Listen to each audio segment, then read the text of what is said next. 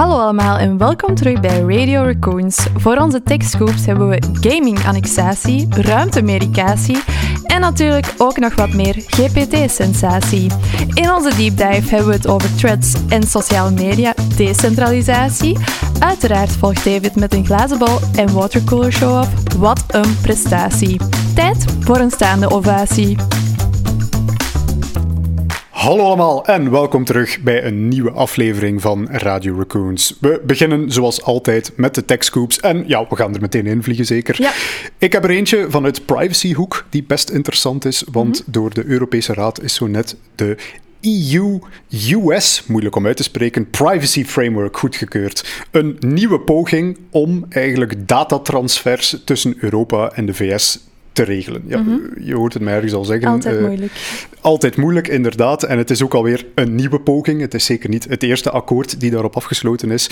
Eh, want iedere keer als die akkoorden worden afgesloten, worden ze nadien in de rechtbank weer verworpen, omdat daar ja, toch nog eh, de- eigenlijk de, de Europese beschermingen niet, Ja. geen ijzersterke garanties hebben in de VS. Vooral als het aankomt op intelligence gathering, als de FBI in die data wilt gaan kijken, dan hebben de Amerikaanse bedrijven er eigenlijk weinig op te zeggen.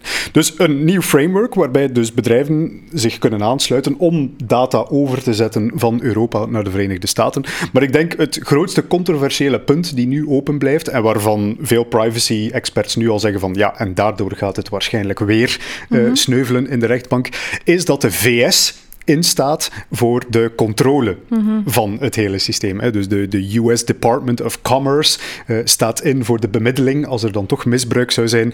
En ja, daar zeggen Ja. zelfs Amerikanen nu van, van oei, ja, eh, als je die kiest om het te helpen bemiddelen, dan gaat er waarschijnlijk niets van in huis Ja. komen.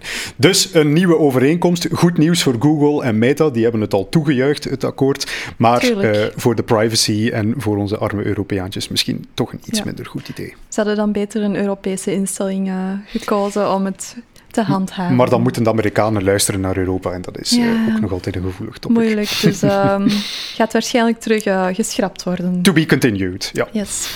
Ik had de tweede techscoop. Mhm. Ehm, een gigant die nog groter wordt. Microsoft heeft nu Activision Blizzard eh, kunnen aankopen. Mhm. Activision Blizzard, ik ben niet zo'n gamer, Ja. eh, maar ik ken wel twee spelletjes die super ehm, bekend zijn. En dat zijn Call of Duty en World of Warcraft. Eh, die zijn van Activision Blizzard. Ik denk ja, dat iedereen daar wel van gehoord heeft. En ja, het probleem was daarbij, of waarom is het een techscoop?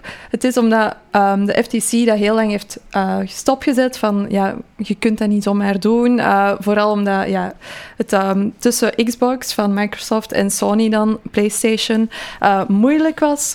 Ehm, ja, Microsoft vond natuurlijk niet dat ze eh monopoliepositie zouden innemen als ze Activision Blizzard zouden overkopen. FTC vond van wel. Dus heeft Microsoft nu met een aantal ehm, spelers afspraken gemaakt. Bijvoorbeeld met PlayStation ehm, hebben ze de afspraak gemaakt om Call of Duty nog tien jaar ehm, aan hun vrij te geven. Hetzelfde bij Nintendo. zou dan naar de Switch kunnen gaan. En nu heeft de ehm, rechtbank geoordeeld dat ze het toch mogen doen. Eh, ik denk dat dit wel een grote stap is in eh, de game-industrie. Of toch, ja, om ehm, Xbox groter te maken. Want dat zijn toch wel grote games Ja. eh, die dat zij nu kunnen aanbieden. Ehm, en binnenkort over tien jaar ehm, exclusief kunnen aanbieden misschien. Ik weet niet of dat, dat ooit zover gaat komen. Dat is dus inderdaad wel de schrik. Hè. Voor, voor mensen die niet in de gamingwereld zouden zitten, ja, jullie hebben daar wel twee namen gehoord. Call of Duty, dat is waarschijnlijk iets dat Ja. iedereen wel al dat kent, ik, een beetje dat van heb ik zelf al gespeeld, dus ja. Activision en Blizzard is trouwens zelf ook al een samensmelting van twee studio's. Dus dat, dat was al één consolidatie waar Ah, veel mensen eh, een beetje de wenkbrauwen begonnen te reizen. Van oei, eh, is dat wel goed nieuws dat dat eh, zo groot wordt. En nu haalt Microsoft die ook nog eens binnen samen met hun Xbox-platform. Is dat natuurlijk wel Ja. een beetje controversieel. Misschien nog goed om te vermelden, Daphne, de FTC, het Federale Bureau voor Telecommunicatie in de VS. Dus Ja. zij zijn daarvoor bevoegd om dit soort dingen te gaan goedkeuren. Ja, Als het zou nodig zijn. inderdaad. En dat is ook wel niet het enige dat Microsoft ehm, doet qua gaming of om hun positie groter te maken. Ze hebben ook bijvoorbeeld nu een Game Pass, of misschien al een tijdje, ehm, dat eigenlijk vergelijkend met PlayStation Plus. Ja. Ehm, een maandelijkse, of dat is bij PlayStation denk ik jaarlijks, subscription, waar dat je dan gratis games krijgt die dat je dan mocht spelen. Zij zijn dat nu ook aan het doen voor hun Xbox.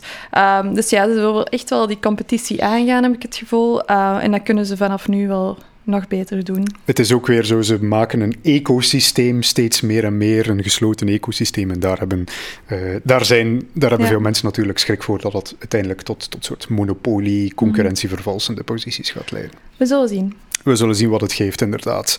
En of we Call of Duty binnenkort alleen nog maar op de Xbox zullen kunnen spelen. Maar dan zal PlayStation wel met een variant uitkomen. Maar ja, tuurlijk. Allee, ja, uh, ze kunnen creatief zijn. Hè, en als je, als je al een PlayStation hebt ik weet niet of dat je zo makkelijk switcht tussen Xbox of PlayStation, of dat dat een voorliefde is voor het een of het ander. Uh, ik ben zelf, ja, ik ken enkel PlayStation. Het, het controversiële komt echt alleen maar uit de grootte van de mhm. bedrijven die aangekocht worden. Want er bestaat zoiets als console exclusives. PlayStation is daar heel gekend voor dat zij heel veel geld betalen aan game studios om enkel voor de PlayStation te mhm. ontwikkelen. Dus daar is helemaal niets nieuws aan. Het is gewoon, ja, die bedrijven zijn zodanig groot dat men nu toch wel zoiets heeft van, hm, oké, dat is misschien toch wel een beetje gortig. Maar kijk, blijkbaar een paar uh, agreements en het is helemaal goedgekeurd. Ja. Op naar de volgende techscoop misschien. Ik heb er eentje uit de ruimte. En uh, eentje die me toch wel heel hard terugdeed denken aan, ik denk toch wel mijn favoriete interview van de afgelopen paar jaren. Met Frank de Winne natuurlijk, uh, de ultieme held. En uh, mensen die daar toen naar geluisterd hebben, of eens kunnen gaan terugluisteren, zullen zich herinneren dat ik toen gevraagd had aan meneer De Winne, of uh, ik ging bijna Frank zeggen, dat is misschien een beetje te populistisch, uh, aan, aan uh, meneer De Winne, van, van ja, wat, wat doen we daar eigenlijk in de ruimte? Wat is de economische waarde die we daar misschien kunnen gaan uithalen? Is het asteroïden gaan, gaan minen voor grondstoffen enzovoort? En eigenlijk het eerste waar hij aan dacht, was ehm, de, de manufacturing, het produceren van bepaalde chemische stoffen in nul zwaartekracht. Ja. Blijkbaar voor sommige stoffen heb je eigenlijk die zero-G-condities mhm. nodig om ze optimaal te kunnen gaan maken. En dat zou dus een ideale uh, ja, opbrengstpost kunnen zijn voor de ruimteindustrie. Wel, um, een start-up genaamd Varda is er voor het eerst in geslaagd om in de ruimte een farmaceutisch fabriekje te laten werken. Dat fabriekje, een, een, satelliet van een 300-tal kilogram, die ze, uh, die ze gelanceerd hebben via SpaceX, uh, heeft in Zero Gravity ritonavir geproduceerd. En dat is een kristal die gebruikt wordt voor het uh, behandelen van mm -hmm. HIV-patiënten. dus volledig in zero zwaartekracht ruimte gemaakt. Dat ding gaat ook nog terugkeren naar de aarde met een parachute en al. Dus het is, het is eigenlijk wel een heel indrukwekkende mm -hmm. missie. En het is dus de allereerste keer dat we dus echt met manufacturing bezig zijn in de ruimte. Misschien wel ja. ook weer de, het begin van iets veel groter, een gigantisch grote ja. industrie in ja, de ruimte. Nu zal dat allemaal nog zeer duur zijn waarschijnlijk ook om, om dit soort van uh, testen te doen. Maar als dat iets meer common wordt en meer start-ups of Allee, dat wordt ja. steeds goedkoper, dan, dan zie ik daar wel zeker een toekomst in. En ja, dat is ook wel nodig. Hè. Um, een, een, een, medicijn om, om zo'n ziekte te behandelen, dat kunnen we alleen maar toejuichen. Inderdaad. en het is dan eens iets anders eh, om in de ruimte te gaan doen naast communicatiesatellietjes ja. eh, lanceren. Dit zou dus echt wel het begin kunnen zijn van een echte ruimte-industrie. Oké. Okay. Ja, luister zeker eens uh, dat interview met uh, Frank de Winne. Ja. Terug, als je er meer over wilt weten, was heel interessant. We zijn toen naar Keulen gegaan. was echt super tof die dag. Ja, ja. inderdaad. inderdaad. Zeker is iets om te beluisteren. Ja. Volgende techscoop dan uh, is, is we, hebben, we hebben eigenlijk ervoor gekozen om al het GPT-nieuws ja. deze week gewoon te bundelen en, en eventjes snel te gaan overlopen. Dus in het GPT-nieuws, wat vinden we de afgelopen weken terug? Eerst en vooral GPT-4, het bekende, uh, zeer grote taalmodel die OpenAI voorheen al beperkt had gelanceerd. Maximum 20 berichten ja. per uur of per dag of zo, als drie, ik me niet... Om de drie uur, denk ik. Ah, om de drie ja. uur. Dus een heel beperkte uh, demo al hadden gelanceerd. Is nu ook beschikbaar voor openbaar gebruik. Ja. Dus mensen kunnen nu gewoon via de API gebruik maken van GPT-4. Uh, zeker interessant om eens uit te checken, want, want mm -hmm. ja, het is toch wel een enorm verschil met wat een GPT, ja. een ChatGPT bijvoorbeeld al zou kunnen doen. Dus dat is de eerste. Dat is, uh, ik zou zeggen, goed nieuws, uh, voor, voor OpenAI dat ze daarmee uitkomen. Het slechtere nieuws is dat OpenAI nu ook slachtoffer is geworden van een lawsuit mm -hmm. tegen hen. Uh, door Sarah Silverman, als ik me niet vergis, een comedienne van Saturday Night Live, als ik me niet vergis. En zij had ontdekt dat OpenAI perfect in staat was om een samenvatting te geven van de boeken die zij heeft geschreven. Nu stelt zij zich correct de vraag dan van hoe kan zo'n systeem een samenvatting van mijn boek genereren als dat niet origineel mijn boek zou gelezen hebben. En wat blijkt dus, er is een dataset genaamd The Pile, de Mhm. hoop, een gigantische dataset met tekst, Mhm. waar blijkbaar ook eh, een heel groot aantal gepirateerde e-books in Ja. zou tussen zitten. Ze hebben al het internet dat ze konden krijgen. Ja, inderdaad. Dus de pile, het is echt wel een hoop. Hè. We doen niet te moeilijk over wat we allemaal we hebben het allemaal binnengetrokken. Eh, en daar blijkt dus nu toch wel wat copyright-gevoelig materiaal in te zitten. Dus dat is het begin van een lawsuit. Het is geen Disney geworden, zoals ik voorspeld heb, maar het Ja. zou wel eens een heel belangrijke lawsuit kunnen zijn die de toekomst bepaalt van wat we eigenlijk precies mogen gebruiken Mhm. in die taalmodellen. Eh, heel interessant trouwens, het, het eh, advocatenbureau achter Mhm. die lawsuits is, is precies, heeft precies het monopolie op generative AI lawsuits. Want ze hebben ook al Midjourney eh gesued om, om heel gelijkaardige redenen. Eh, ze hebben ook al Facebook eh gesued omwille van hun Lama-model. Dus ze hebben een hele reeks van zo'n lawsuits lopen. Dus blijkbaar, kijk, dat bedrijf is precies wel de place to be om te weten te komen van hoe ziet de wettelijke situatie eruit. Alright, in de dus nabije als je toekomst. een van die bedrijven wilt aanklagen, dan moet je Ja, daar dan, dan moet je daar zeker eens naar, naar gaan luisteren. Alright, ik heb nog, ehm, om de sandwich-techniek goed eh, toe te passen, nog iets positiever, denk Ja, ik. ja, ja. Ehm, in een van onze afleveringen hadden we het over ehm, artificial general intelligence, eh, waar dat AI misschien slimmer zou worden dan ons. En wat gebeurt er dan? En hebben wij dan als mens nog wel een toekomst? Ehm, OpenAI denkt daar ook over na. En zij hebben nu een departement of een team eh, opgestart dat heet Super Alignment. Met als doel, ja, kijken hoe kunnen we die AI-systemen die super slim zijn, sturen, blijven controleren en ehm, ja, gewoon zorgen dat het niet all hell breaks loose Ja. is. Dat zal onze Ehm, kant blijven staan, basically. Ja, abs- absoluut. En ze hebben dus een nieuw team eh, daarvoor samengesteld. En ze, ze zeggen dat ze 20% van de rekenkracht ehm, die ze hebben, willen wijden aan dit probleem. En ik ben, ja, het is nog een beetje vaag voor mij. Eh, dus als jij misschien wat meer uitleg kunt geven. Maar ik denk ja, dat het wel ehm, gewoon goed is dat ze er al bij stilstaan en effectief ook al iets doen en eh, die belofte maken. Het is dus inderdaad, ja, alignment is een heel gekend concept in de AI-wereld. Eh, alignment, alignering. Hoe zorgen we ervoor dat die AI-systemen gealigneerd blijven met onze eigen waarden? Nu, het probleem daarbij is, is dat wij onze waarden een beetje moeilijk kunnen definiëren. De, zet tien mensen in een ruimte en probeer een soort Ja. universele set van waarden te vinden en ze gaan al... eh, ze gaan, zet twee mensen in een ruimte Ja, en ze gaan al niet ja. akkoord gaan over wat onze waarden zouden moeten gaan zijn. Dus wat is het idee ergens van, kijk, wij gaan een AI-systeem trainen om onze waarden te begrijpen, eigenlijk op een niveau beter dan dat wij ze zelf kunnen gaan begrijpen. Een soort van En- samenvatting van alle Ja, een beetje een Ja. samenvatting te maken van alles wat wij als mensen ooit over ethiek of, of over wat goed en slecht is hebben, hebben neergeschreven.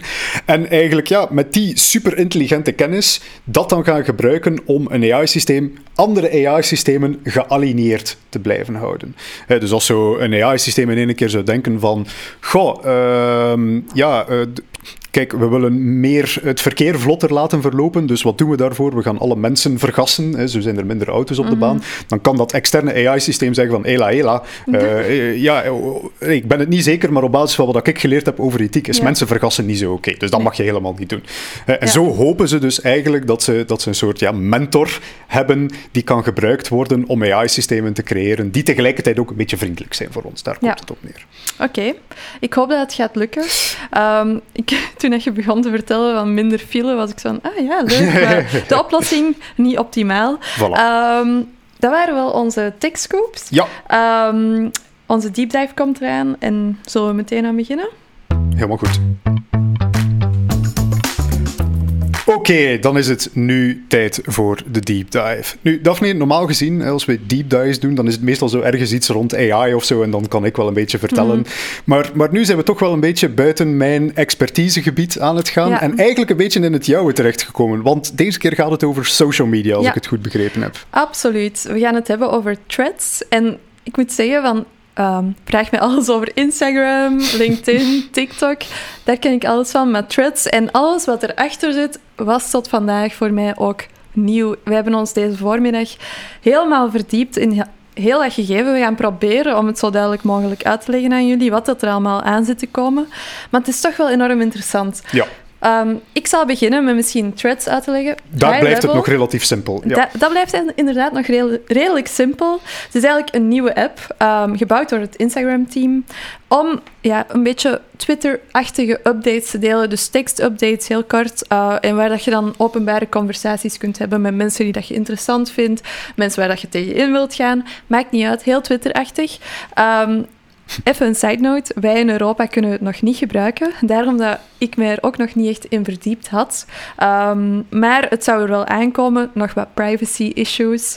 Um, Threads heeft, is, is al enorm populair. Heeft al 100 miljoen gebruikers uh, een week na de lancering. Heeft daarbij echt, trouwens het record van ChatGPT ja, verbroken. Wat echt ja, super zot is eigenlijk. Verbazingwekkend uh, hoe snel dat, dat is gegaan en dat gaat Twitter zeker nog overtreffen, denk ik, als ze zo blijven doorgaan. Uh, wat ze wel zeggen is, we willen niet Twitter vervangen, we willen wel echt iets anders doen, maar ja... Ze willen het zelf geen Twitter vervangen noemen, maar het is een Twitter vervanger uiteindelijk. Ja, Daar komt het een beetje wel. op neer. Um, ja, het komt eigenlijk op hetzelfde neer. Dus het gaat gewoon tekstupdate zijn. Iedereen kan delen wat ze willen. Maar ze zeggen, we willen eigenlijk niet zo in dat politiek en nieuws uh, sfeertje gaan, want dat is toch alleen maar negativiteit en uh, integriteitsrisico's. Um, dat is hoe dat ze het zelf hebben gezegd. Maar wat dat er nu zo complex aan is, is het achterliggende. Ja. Um, we gaan proberen om het zo duidelijk mogelijk uit te leggen. Er gaan een paar concepten komen. We gaan proberen om die te definiëren en die aan elkaar te hangen. Maar we hebben ook heel de voormiddag gezocht. In een rabbit hole terechtgekomen. En... Uh, alleen, we, zijn, we zijn nooit meer hetzelfde, denk ik. nee, ons hoofd is nog altijd echt ontploft. Um, Belangrijk misschien wel om te vermelden is van vandaag is het nog niet zo complex. Nee. het is eerder dat zij ge, gepledged hebben om in de toekomst ja. um, compatibiliteit te voorzien. En we gaan het eerste moeilijke woord misschien hierbij lanceren met ActivityPub. Ja. Wat is ActivityPub nu uh, in godsnaam, is misschien de volgende vraag die ik dan kan stellen. Kort samengevat, ActivityPub is een communicatieprotocol. Ja. Communicatieprotocol waarmee verschillende systemen met elkaar kunnen communiceren. Ja. So far, so good. Um, de vergelijking die vaak gemaakt wordt, is bijvoorbeeld met e-mail. Mm -hmm. uh, jij hebt een mailbox bij Google. En iemand anders heeft een mailbox bij Microsoft. Maar op een of andere manier, dat is eigenlijk niet zo vanzelfsprekend, mm -hmm. maar op een of andere manier kunnen die toch ja. perfect met elkaar gaan communiceren. Ja. Nu, Iemand heeft naar gekeken en niet zomaar iemand. Mensen van de uh, WWWC, hè, dus de, de mensen van het internet, min of meer, uh, hebben naar gekeken en hebben dus een protocol ontwikkeld die eigenlijk hetzelfde moet doen als het mailprotocol, mm -hmm. maar dan voor sociale, sociale media. media. Ja. Dat is dus het centrale exact. idee van die. ActivityPub. Want wat is er eigenlijk um, het probleem van onze huidige sociale media is, je hebt een Facebook-account, je hebt een Instagram-account, je hebt een TikTok-account, maar eigenlijk al die accounts staan los van elkaar. Die zitten bij hun eigen bedrijf. Die zijn gecentraliseerd. Um, en, en bijvoorbeeld, je kunt je inloggen op Facebook. Daar heb je kanalen, um, dingen waarin, waarin dat je geïnteresseerd bent, mensen die dat je volgt, uh, die u volgen. Maar als je dan naar TikTok gaat, dan moet je eigenlijk helemaal opnieuw beginnen. En dat is eigenlijk niet zo logisch, um, volgens de mensen die achter ActivityPub staan. En die zeggen van, eigenlijk maakt het niet uit vanuit welk sociaal netwerk dat je surft of je content wilt consumeren. Je zou eigenlijk overal access moeten hebben tot de content die misschien ook op een Instagram uh, staat terwijl dat je op, op Twitter zit. Um, en dat is eigenlijk wat dat ze willen decentraliseren. Ja. En dat is dan het volgende. Dat is dus het kenmerk van ja. ActivityPub. Het is allemaal gedecentraliseerd. Ja. En vergeet dus, de, uh, wij zijn gewend van, van ronkende namen te kunnen plakken op onze sociale netwerken. de Facebook en ja. uh, Meta en Instagram. Dat verdwijnt dus allemaal helemaal. We willen zoveel mogelijk af van die gecentraliseerde mm repositories van informatie en zoveel mogelijk naar, naar ja, open standaarden die met elkaar ja. gedeeld kunnen worden. En eigenlijk is het wel zot dat een uh, Facebook of Instagram, dat is allemaal dezelfde organisatie natuurlijk, Meta, die, die threads lanceert en zegt, wij willen daar deel van uitmaken, van dat gedecentraliseerd ja. netwerk. Um, en, en ja, nu is het nog niet zo ver, hè. voor alle duidelijkheid, dat is een belofte die dat ze maken.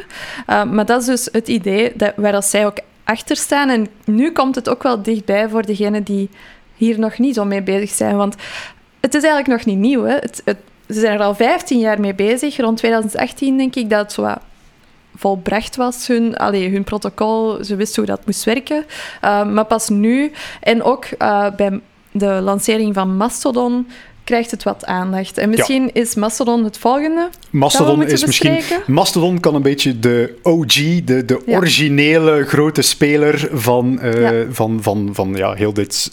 Trouwens, ja, het communicatieprotocol, daar hebben we al over gesproken, maar eigenlijk het geheel. Ja noemen we de Fediverse. Ja. Uh, dus dus een universum. Wat, ja, wat we zijn veel. Complex, uh, ik ga nu blijven. De Fediverse uh, ActivityPub is, is zo de, de, naam van ja. het protocol. Maar de Fediverse, dat zou je. Um, ActivityPub is SMTP, het mailprotocol die we gebruiken. Activity, Fediverse is gewoon mail in ja. zijn geheel. Ja. Het, de verzameling van het geheel. En dan Mastodon is bijvoorbeeld Hotmail. Ja, is ja. inderdaad één implementatie daarvan. Mastodon is dus die andere. Um, ja, het is een beetje zoals Twitter, maar niet helemaal. Twitter, uh, maar dan beter, volgens de makers. Twitter, maar dan beter, maar volledig gedecentraliseerd. Dus Mastodon is een goed voorbeeld om aan te halen, om mee te beginnen. Mm -hmm. Want wat kan je dus doen bij Mastodon? Iedereen kan zijn eigen Mastodon-server Mhm. starten. Dus, dus net zoals dat iedereen bijvoorbeeld zeg maar, een eigen Facebook-server zou kunnen gaan starten, waar je dan je eigen vrienden op kunt gaan uitnodigen. Maar wat maakt dat ook speciaal, is dat die servers onderling ook kunnen gaan federeren. Mm. Vandaar de Fediverse komt daar wel heel sterk naar boven. Uh, federeren als in, zij kunnen zeg maar, samenwerken. En ze kunnen dan ook afspreken van, kijk, de posts die op mijn server worden gemaakt, die gaan we ook synchroniseren met elkaar, zodanig dat mensen elkaar ook kunnen gaan volgen overal. Mhm. Dat is niet verplicht, voor de duidelijkheid. Als je een of andere Facebook uh, voor, voor extreme politieke views of zo wilt gaan maken, dan gaan waarschijnlijk de rest van de servers zeggen van, oh nee, Nee. wij willen niet met jou gaan Ja, federeren, wij zijn niet geïnteresseerd in jouw content. Ja. En zo heb je dus eigenlijk een heel gedecentraliseerd systeem waarbij niemand de beslissingen maakt. Mhm. Niemand zegt van iedereen moet nu dit accepteren. Nee, iedere server beslist voor zichzelf. En het argument is dus ook, ja, dat geeft heel veel gebruiksvrijheid Mhm. aan de mensen die ervan gebruik willen maken. Hè. Heb jij inderdaad heel extreme politieke views en wil jij eh, tussen de mensen zitten die, Die dat ook die dat hebben, ook delen? Hè, perfect, dan kan je die server gaan joinen. Heb je zoiets van, amai, al die politieke posts op mijn Facebook altijd, ik wil er liefst zo weinig mogelijk. Wel, dan kan je een meer mainstream server gaan joinen die eh, al die politieke zaken er niet bij bijhaalt. Ja. Dus ja, dat is een beetje het basisidee. Iedereen kan een eigen server maken. Dat is nu enkel eh, voor microblogging, heet dat dan eigenlijk. Dat is eigenlijk wat Twitter is, kleine berichtjes Ja. de wereld insturen en dat doen ze dan met elkaar. Maar het belangrijkste is om te weten, van daar stopt het niet. Nee. Eh, Het is niet alleen maar Mastodon. Je hebt bijvoorbeeld ook een, een soort YouTube-achtig sociaal netwerk, waarbij dat het dan gaat om filmpjes delen met elkaar. Eh, je hebt ook een soort Instagram-achtige, Ja. eh, ik ben nu even de naam vergeten. Pixel. Ja, iets, iets, iets met Ja. Pixel alleszins. Hè. Een Instagram-concurrent concurrent waarbij dat het vooral gaat om foto's delen met elkaar. Maar dus zelfs die volledig losstaande netwerken, microblogging met Mastodon, eh, Pixel met foto's, zelfs zij kunnen met elkaar in principe Communiceren. Als die server dat toelaat, hè, als iemand een soort client bouwt waarbij dat je zowel tweets, microblogs als foto's kunt afbeelden, dan kan je perfect iemand volgen op pakweg. Insta- ik ga nu de oude namen blijven Ja, is gebruiken om het gemakkelijk te houden. Hè, dan kan je pakweg iemand volgen op Instagram en daar de foto's van op je Twitter-feed Ja. zien verschijnen. En omgekeerd, indien Ja. nodig. Zonder dat je die dan op Twitter moet volgen. Ja. Uh, want dat is allemaal ja, geconnecteerd Het is met elkaar. één groot eigenlijk. netwerk uh, Ja. en dat maakt dus dat, dat het ja, enorm Ja, gedecentraliseerd en wa- wat dan eigenlijk um, ja, voor ons, want het is nog heel allee, conceptueel en theoretisch hoe dat wij het uitleggen, maar mensen gebruiken het ook effectief Ja. al. Hè. En ik denk, ja, als je daar allemaal niet zo, zoveel mee bezig bent en zoiets hebt van... Voor mij is een Instagram, een LinkedIn, een Twitter en een TikTok genoeg en ik hoef niet nog meer sociale me- media. Ja, misschien evolueren we wel naar een toekomst waar dat je je uh, preferred sociaal medium hebt. Dus bijvoorbeeld, ik zit heel graag op TikTok. Ik vind dat fijn om filmpjes te bekijken. Um, dat je enkel filmpjes kijkt, maar dat je bijvoorbeeld ook uh, op Facebook... Ik ga nu ook de oude namen uh, gebruiken, maar die, voor alle duidelijkheid, die gebruiken dit soort systemen niet. Um, maar dus op Facebook heb je ook real-achtige toestanden, filmpjes. Dat die filmpjes bijvoorbeeld ook op mijn TikTok zouden komen maar dat ik niet altijd naar Facebook moet gaan om daar die content te gaan halen. Dus ja. eigenlijk dat je uw preferred, of ja, uw voorkeurs um, ja, medium kunt gebruiken, maar toch op de hoogte blijft van alles En dat is wel interessant. Ehm, ik ben benieuwd hoe dat, dat effectief vorm gaat krijgen. Ik vind het nu echt wel verwarrend. Um, een collega van ons heeft daar juist ook laten zien welke, uh, welke media hij gebruikt van die Fediverse. En nog iets anders, oh, maar ik kom niet op de naam. Is het Lemmy toevallig, Lem waar we ook over was gesproken het de Lemmyverse? Nee, hè? dat is een uh, andere naam. De Threadverse of zoiets was ja. het dan. Dat is misschien helemaal verwarrend, maar de reden, hè, naast het feit dat Threads dus -hmm. een redelijk sterke aanwezigheid heeft, naast het feit dat Twitter nu aan het ontploffen is en dat mensen massaal aan het zoeken zijn naar alternatieven en sommigen en ook, komen dus ook in Mastodon terecht, is er dus nu ook een Reddit, Reddit die ook allerlei onpopulaire beslissingen aan het nemen is. En er is dus ook een Reddit-alternatief op de Fediverse, ja. genaamd Lemmy. Uh, en ook daar, uh, ik zelf ben nu ja. overgestapt op Lemmy, zijn, is er dus een federated alternatief beschikbaar. Mm -hmm. Dus er, ja, het, de, de bestaande sociale netwerken zijn een beetje aan ja. het rommelen, een beetje aan het uit elkaar vallen. TikTok ook, hè. Um, hoe, lang gaat die, goed, hoe lang gaat het nog duren voordat dat hier geband gaat worden? Ik weet het niet. Volgens mij niet super lang. En dan kan er wel zo'n um, zo'n decentralized netwerk misschien dat overnemen of ja, dat ja. als plaatsvervanger dienen. Um, maar ja, voor mij is het op dit moment niet zo gebruiksvriendelijk of een hoge drempel. Het is inderdaad, het is, het is een beetje internet in de jaren 90. Het is vooral ja. nog bedoeld voor de techies. Ja. Als je een beetje verstand hebt waarmee je bezig bent, het is niet dat je zelf dingen moet programmeren of zo. Zo, zo moeilijk is het nog allemaal nee, niet. Nee. Maar je moet wel een beetje weten waarmee je bezig bent. Waar... Het is niet one-click sign-on en je bent klaar enzovoort. Dus je moet wel wat zaken gaan configureren. Maar ja, het heeft toch wel enorme voordelen. Ook bijvoorbeeld het feit dat de, de backend het, het, het, ja, het rekengedeelte van die sociale netwerken gescheiden wordt van de frontend. Mm -hmm. Ben jij niet tevreden met de user interface van de Facebook-app? Jammer, hè, want het is alleen maar Facebook ja. die de Facebook-app mag maken. Kijk naar Reddit, hè. ze hebben dus ja. expliciet alle third-party apps verboden. Ja, bij de Fediverse gaat Maakt zoiets niet hè.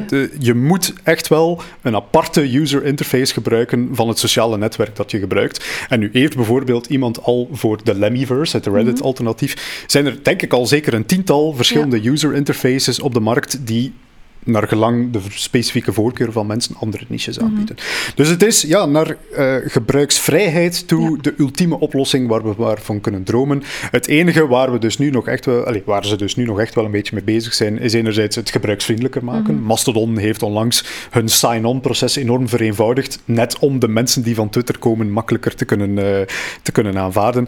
En omdat het allemaal gedecentraliseerd is, zijn er ook nog een paar legal vraagstukken. Ja. Hè? Omdat er verschillende servers zijn, wat gebeurt er dan als je op één server iets verwijdert en het staat nog altijd op een andere server? Hoe gaan we daarmee ja. om? Wat gebeurt er als iemand op één server iets illegaal zet en het wordt per ongeluk gekopieerd naar een andere server? Is iedereen ja. dan uh, verantwoordelijk?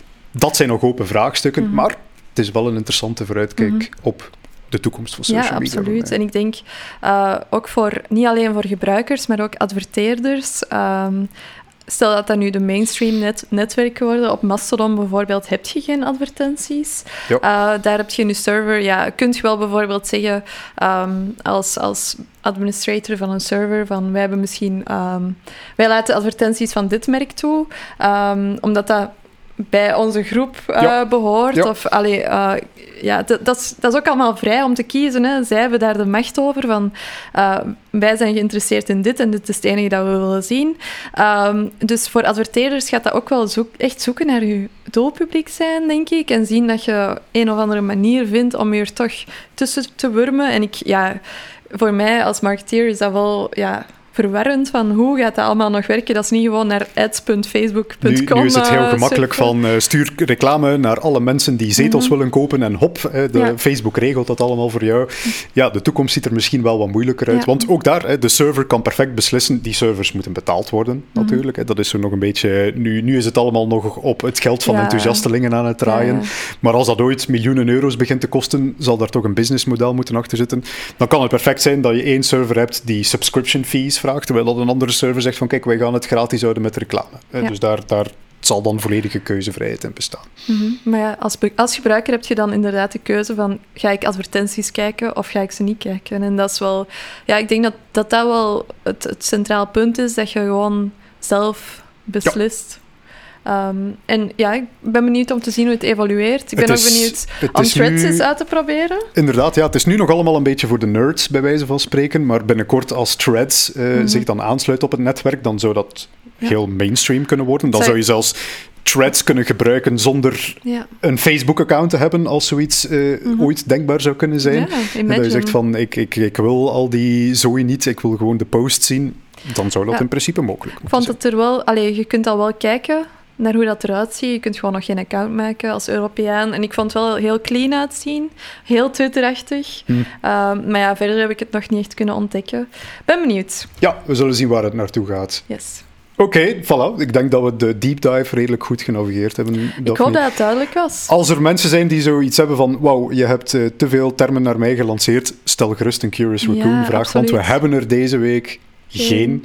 Allemaal op vakantie. Allemaal op vakantie. Maar als er dus mensen zijn die ergens eh, op een strand liggen te luisteren Ja. naar onze podcast en nog altijd niet echt goed weten wat de Fediverse is, laat het ons gerust Of, weten. of mensen die juist heel veel weten van de Fediverse en niet eh eendags-experts zijn zoals ons. Ja, Eh, en, en, we hebben eh, misschien iets fout gezegd. Laat het ons weten.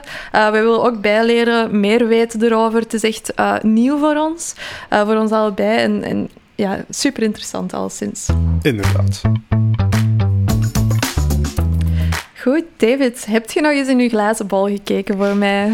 Ja, Daphne, ik, met, met al dit gepraat over sociale netwerken ben ik eens beginnen nadenken ook over de toekomst van sociale netwerken. En de vraag die ik mij daarbij ergens gesteld heb is van hoe lang gaan we nog blijven vertrouwen op menselijke content creators? Want natuurlijk, in een tijdperk van generatieve AI, hoe lang zal het nog duren eer we eigenlijk niet meer zozeer eh, gesubscribed zijn op mensen die content produceren, maar waarbij dat er eigenlijk één groot machine learning systeem bestaat die gewoon content produceert voor allerlei verschillende mensen en ook radicaal gepersonaliseerd voor verschillende mensen. Ja. Dus, mijn glazen bol voorspelling, ergens in de komende vijf jaar komt een volledig generatief AI-gedreven sociaal netwerk uit, waarbij mensen dus TikTok-gewijs naar filmpjes aan het kijken zijn die niet door mensen zijn gemaakt, maar volledig gestuurd zijn door een algoritme. Oké, ik denk eh, filmpjes gaan inderdaad nog wel even duren, maar tekst, misschien bestaat het al. Tekst en afbeeldingen zeker ook. Ja. Hè? Dus de, de Instagram, Wie weet, Met- ja, wie weet, op een van die Lemmy-servers, I don't know, Ja. eh, die dat we net besproken hebben, bestaat het misschien al.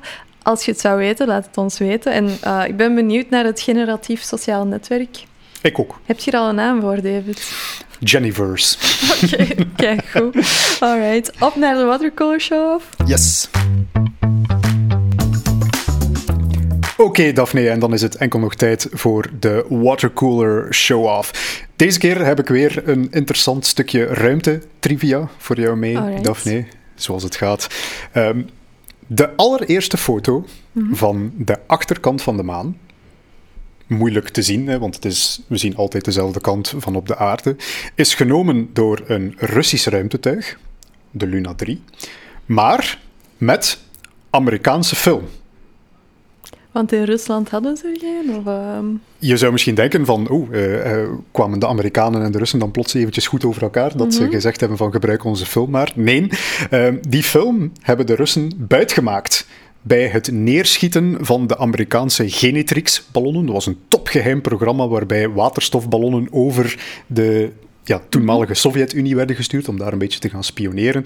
Nu, dat programma is nooit super succesvol geworden, want die ballonnen die waren super detecteerbaar voor de Sovjet-radar. Dus het moment dat ze eigenlijk over de grens kwamen, werden ze opgelicht als een lantaarn en meteen neergeschoten.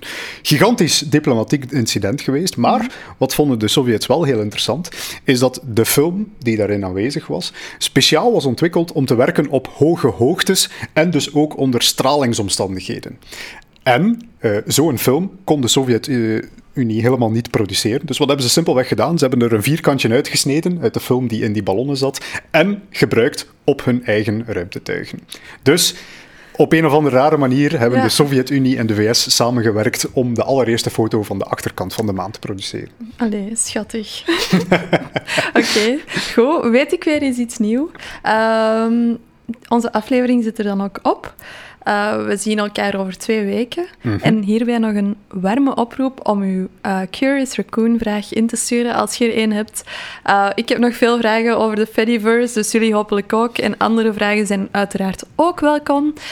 mag je doorsturen naar radio.raccoons.com. .be, sorry. Daar is een forum waar je kan inzenden. Je mag ook altijd naar Instagram sturen. Ons account is radio.raccoons. En dan horen wij het wel. En eh, tot over twee weken. Hè? Ja, tot dan. Tot dan.